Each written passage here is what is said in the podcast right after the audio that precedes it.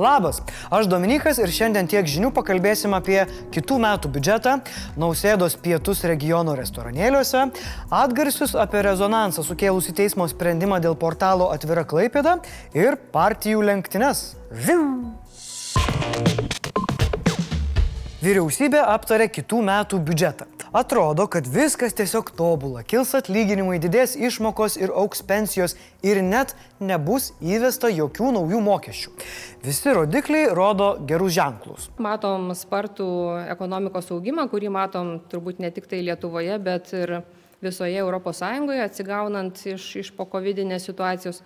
Prognozuojama, kad kitais metais bendrasis vidaus produktas auks 4 procentais Lietuvoje. Tačiau 2022-aisiais mūsų valstybė išleis daugiau pinigų nei uždirbs. Bet bent lyginant su šių metų biudžetu išleisime 1,2 procento mažiau nei planuota, o uždirbsime net 11,4 procento daugiau. Kai valstybė išleidžia daugiau nei uždirba, tai vadinama biudžeto deficitu. Jis bus ženklus - 3,1 procento BVP. Išsipūtusi deficitą, pasak finansų ministrės gintarės kaistės, lemia vienkartinės išlaidos susijusios su pandemija, migrantais ir situacija pasienyje. Siūlomas biudžetas turi keturias esminės kryptis - saugumas, galimybės, žmonių pajamos ir skurdo rizikos mažinimas. Keturios kryptis yra Dvigubai daugiau nei prezidentas davė kelių dulkiui. O pagrindinis finansinis postumis irgi bus keturiose kryptise. Daugiau nei pusę milijardo bus paskirstyta krašto apsaugai, pandemijos suvaldymui, astravo atominės dalykams bei fizinio barjero su Baltarusija statybai. Planuojama, kad kils minimalus darbo užmokestis. Seimui pritarus dėl NPD neapmokestinamojo pajamų dydžio didinimo, gaunantieji minimalų atlyginimą kišenes papildytų beveik 65 eurais. Atlyginimas į rankas padidėtų beveik iki 534 eurų. Vidurinioji klasė negautų ne cento.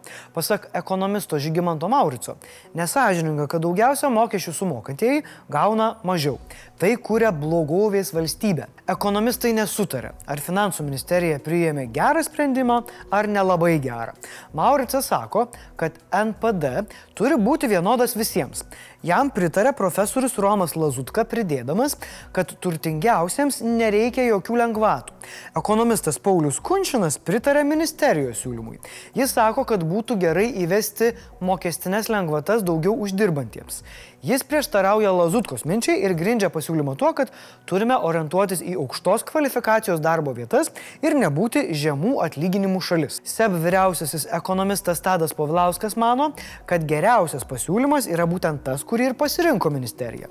Euromonitor International ekonomistė Aistė Navaitytė sako, kad su vidurinėje klase viskas bus ok. O INVL Asset Management vyriausioji ekonomistė Indrė Genytė Pikčienė yra linkusi labiau pritarti Lietuvos bankų siūlymui neapmokestinti visos minimalios algos. Tai realiai verdiktas iš ekonomistų 3-3. O štai socdemai turi aiškę nuomonę apie konservatorių biudžetą. Sako, kad jis pataikauja milijonieriams, skaistė atšauna. Pandemijos laikotarpį yra netikslingas mokesčių keitimas dėl neapibrieštumo pakankamai didelio. O kaip Jūs manote, dabartiniai valdantieji kuria gerovės ar blogovės valstybę? Parašykit komentaruose, padiskutuosim. Mūsų prezidentas vėl prisivirė košės ir net ne pagal Dianos receptą šį kartą. Praeitą savaitę jis apsilankė namų restorane Rietave. O žinot, kuo ypatingas šis restoranas? Dar neseniai Facebook'e restoranėlis skelbė, kad pas juos galės lankytis tik nepasiskiepiję. Bet prezidentas jau su dviem skiepais ir Diana lyg tai irgi pasiskiepijo. Tai kaip čia gavosi? Na, Nausėdos komanda, o tiksliau mūsų buvęs kolega Ridas Jesulionis, tai aiškina taip. Kai prezidentas lankosi regionuose, pietauti jis renkasi šeimos verslo restoranėliuose. O šis restoranas, anot Rido, jau mėnesį veikia pagal vyriausybės nutarimą ir aptarnauja žmonės tik su galimybių pasu. Apie tai, ką restoranėlis rašinėjo savo feisbuke, prezidentas nežinojo. Jisgi nieko neskaito, bendrauja su žmonėm tiesiogiai. Na, bet kažkas tai čia meluoja. Arba restoranas, arba komanda. Komunikacijos specialistas Arūnas Armalis portalui lrt.lt apie nenuseklų prezidento komunikavimą vakcinavimo klausimų sakė, kad pastoviai besikeičianti jo pozicija veda į sumišimą.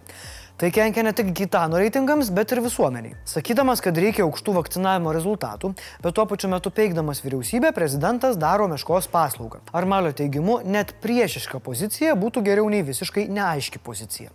Klaipėdos universiteto politologės Gabrielės Burbulytės nuomonė, jeigu valstybės prioritetas yra vakcinuoti, tai visi šalies vadovai, visos atsakingos institucijos turi laikytis vieningos pozicijos. Pasak jos, net kai prezidentas kalba apie vakcinavimo svarbą, visada palieka kabliuką ir tarsi sako, reikia, bet Tuo tarpu kritikos sulaukęs Dulkys atsakomybę už pandemijos valdymą prisima, tačiau atsistatydinti neketina.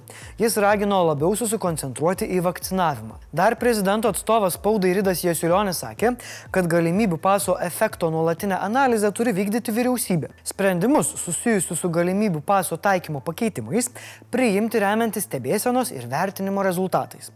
Ir akivaizdu, kad vyriausybė tai daro, nes ministras pabrėžia, kad galimybių paso atsisakyti neketina, nes tai tebėra efektyvi priemonė siekiant suvaldyti koronaviruso pandemiją. Efektyvi skirtingai nei prezidentas. Praėjusią savaitę daug kalbėta apie precedento neturinti teismo sprendimą dėl portalo Atvira Klaipėda straipsnio apie galimai neskaidrius viešuosius pirkimus. Tuomet neskundžiama nutartimi teismas konstatavo, kad informacijos, kurią paskelbė Atvira Klaipėda, viešinti negalima. Ir atvira Klaipėda tapo tiesiog Klaipėda. Tačiau čia dar nėra padėtas taškas. Lietuvos vyriausiojo administracinio teismo pirmininkas Gintaras Kryževičius sako, kad pateikė teikimą atnaujinti procesą, nes teisėjų išdėstyti argumentai, sveriant vertybės, neįtikino. Jis teigia, kad neigiamos reakcijos nepadarė jokios įtakos jo sprendimui. Pirmininkas turi teisę inicijuoti peržiūrėjimą, kai teisėjų sprendimas sukelia didelį rezonansą arba kai sprendimas sukelia abejonių. Kryžiavičiaus teigimu, teisėjų kolegija po kreipimosi dėl bylos atnaujinimo sprendimą turėtų priimti per 4-5 savaitės. Šią žinią atviros Klaipėdos redaktorius Martinas Vainorius sutiko teigiamai. Vien, kad pirmininkas skyrė dėmesį šiai bylai, sveikintina. Vainorius planuoja kreiptis į Lietuvos Respublikos konstitucinį teismą bei į Europos žmogaus teisų teismą. Redaktorius, kaip ir žurnalistų bendruomenė, mano, kad toks teismo sprendimas yra nesuderinamas su demokratinės visuomenės saugojimu. Dėmesį į šią bylą galėjo patraukti ir žurnalistų bendruomenės išplatintas pranešimas, kuriame jie ragino apginti teisę į informaciją. Žurnalistai pažymė esantis įsitikinę, kad itin uolus ir perteklinis viešų asmenų privatumo saugojimas neturi atimti iš visuomenės teisės į informaciją apie neskaidrę valdžios įstaigų ir su jais susijusių asmenų veiklą, galimą korupciją ir nepotizmą. Situaciją komentavo ir Gitano Nausėdos vyriausioji patarėja Jolanta Kryževičianė. Kaip gerai, kad Seimas pritarė prezidento pateiktai viešųjų pirkimų sistemos reformai, nes yra galimybė, kad piknaudžiavimo viešuosiuose pirkimuose sumažės. Bet kuri proga yra puikia proga pagirti prezidentą. Jei tikrai sumažės, aš irgi sakysiu, numalačius gitanas. Pagyvensim, pamatysim. Turime naujausius realybės šou politikos sala rezultatus. Na, arba kitaip tariant, Spinter tyrimų Delfi užsakymų rugsėjo pabaigoje atlikta politikų populiarumo apklausa. Lyderiai Blinkievičiūtės vedami socdemai. Jie ne tik karaliauja, bet ir kyla aukštyn. Antroje vietoje dabartiniai valdantieji konservatoriai vedami Gabrieliaus Landsbergio. O nepagalvotum, kai taip juos iš visų pusių daužo. Bronzą paima praėjusią kadenciją valdžios ragavę valstiečiai su Karbauskiu prieš akiją. Taigi topas atrodo taip. Toliau liberalų sąjūdis, darbiečiai, kiti liberalai Laisvės partija. Na, o opozicinė regionų partija arba buvę socdarbiečiai, jei rinkimai vyktų šiandien, turėtų palikti politikos salą. Bent jau kol kas jiems nesišviečia antrasis politikos salos sezonas, net žiūrovų SMS nieko čia nepadarys. Daugiausiai apklaustųjų Ingrida Šimonytė mato kaip tinkamiausią premjerę, antrasis buvęs premjeras Saulis Kvernelis, tačiau stipriai atsiliekantis. Trečia Vilija Blinkievičiūtė, kuri labai panašu greitai turėtų būti antroje vietoje. Į ketvertuką nedrasiai beldžiasi Seimo pirmininkė Viktorija Čmilytė Nilsen. Jei Skvernelis kažką stipriai prisidirbtų, turėtume situaciją tris moteris tope. Ar tai reiškia, kad lietuviai tiki, kad moteris geriausiai valdo valstybę? Dabartinės vyriausybės darbas vis dar minuse. tyrimo paklaida yra 3,1 procento. O jūs norėtumėt, kad iš tikrųjų būtų toks politinis realybės šou politikos sala, kur politiko ateitis priklausytų nuo žiūrovų balsavimų. Visi būtų išvežti į Ignalinos e, rajono kokio, kokio nors ežero salą, e, būtų galima iš šou SMS tai sugražinti tokius iškritusius dalyvius kaip Paksas, Šustauskas ar Paulauskas, o prasikaltę politikai turėtų naktį praleisti puotaudami su Venskienė ir klausydami ant repito paleistos dainos Tuk širdelė, tuk tuk, tuk širdelė dėl manęs. Norėtumėt tokios laidos? Blitz naujienos, blitz naujienos. Estijos naujasis prezidentas Alaras Karis pirmadienį buvo prisaigdintas per iškilmingą ceremoniją parlamente. Jis pakeitė Kersti Kaljulait, kuri Estijai vadovavo nuo 2016 metų. Gimstamumas per metus sumažėjo dešimtadaliu. Rugsėjai šalyje gimė 2117 naujagimių. Ketvirtadaliu išaugo mirčių skaičius. Per praėjusį mėnesį mirė 3880 žmonių. Vasarą buvusios teigiamos migracijos tendencijos rugsėjai vėl grįžo į neigiamas. Ekonomistai Davidas Kardas, Joshua Angristas ir Gvidas Imbensas pelnė 2021 vadinamąją Nobelio ekonomikos premiją. Kardas apdovanotas už empirinį indėlį į darbo ekonomiką, o Angristas ir Imbensas už jų metodinį indėlį analizuojant priežastinius ryšius.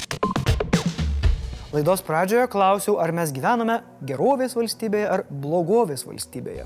Parašykit komentaruose. Bet nesvarbu, kokioje valstybėje gyvenam, pasirodo, iš karvių galima gauti ne tik pieno, bet ir